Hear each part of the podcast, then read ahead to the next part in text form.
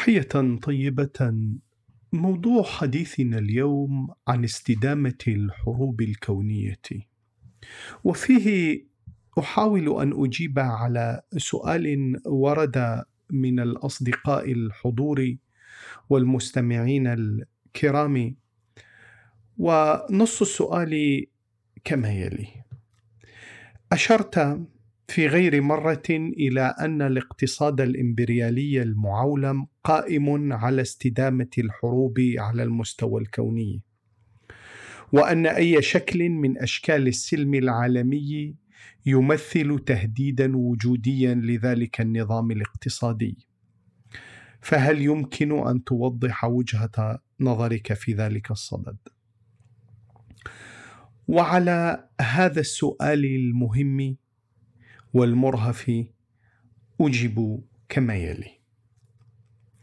نموذج الاقتصاد الإمبريالي المعولم مشخصا بنموذج اقتصاد الولايات المتحدة الأمريكية في مرحلة ما بعد الحرب العالمية الثانية ومن لف لفها من الأقطاب السياسية في اليابان وأوروبا.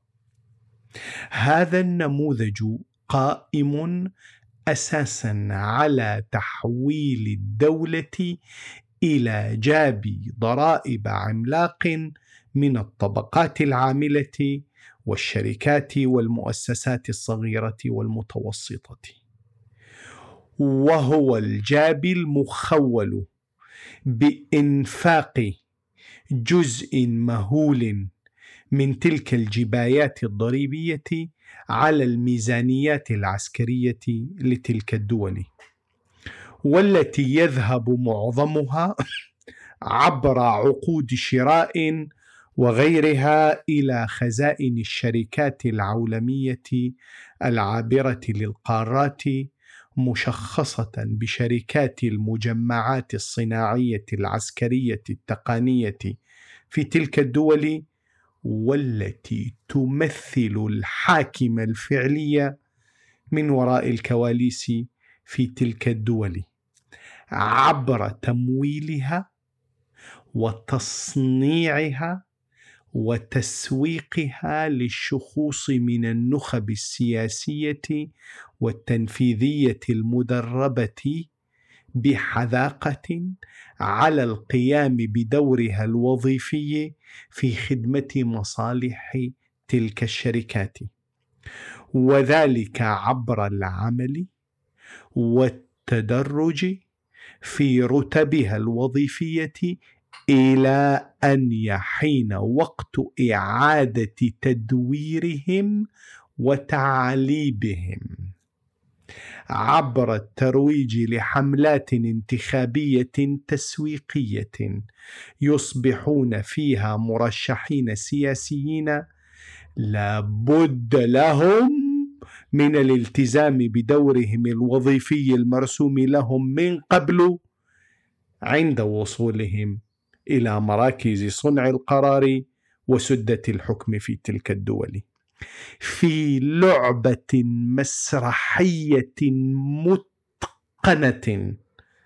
يعرف ويلتزم جميع ممثليها بشروط أدائها وتنفيذها وإخراجها وديكورها حسب معايير الديمقراطيات الشكلية في المجتمعات الرأسمالية المعولمة في الغرب. وتمثل استدامة الحروب على المستوى الكوني السبيل الوحيد لشركات المجمعات الصناعية العسكرية التقنية الذي تستطيع من خلاله تلك الشركات عبر آلاتها الإعلامية الأخطبوطية تبرير وإقناع جماهير القطعان الشاردة.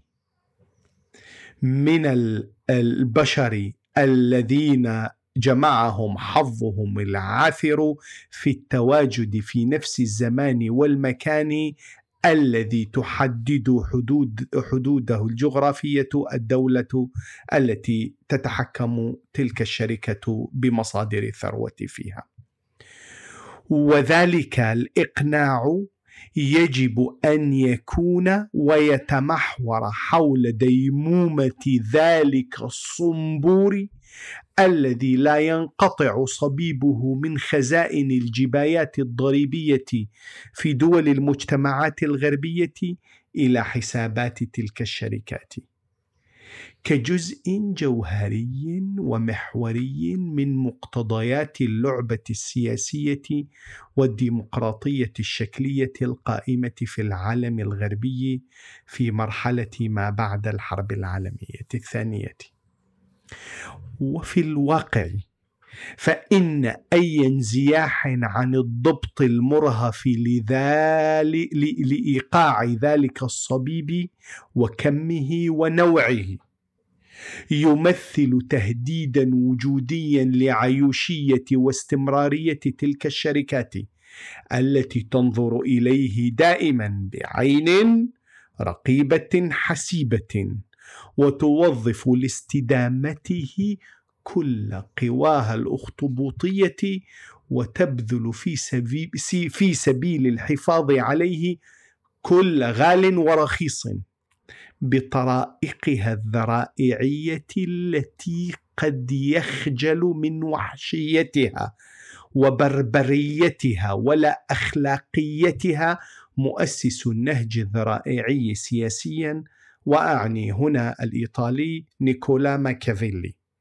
مؤسس فكر الذرائعية بشكله الذي لا أخلاق فيه ولا وازع فكريا أو قانونيا يتفارق مع مبدأ اتباع أي نهج مهما كان خبيثا ووضيعا ومخاتلا للوصول إلى الهدف المروم الذي قد يكون أكثر رجسا من الوسائل المتبعة. في إدراكه. أتمنى أن أكون قد وفقت في تقديم ما هو مفيد لكم وعلى أمل اللقاء بكم في المستقبل القريب. دمتم بكل خير وكل المحبة.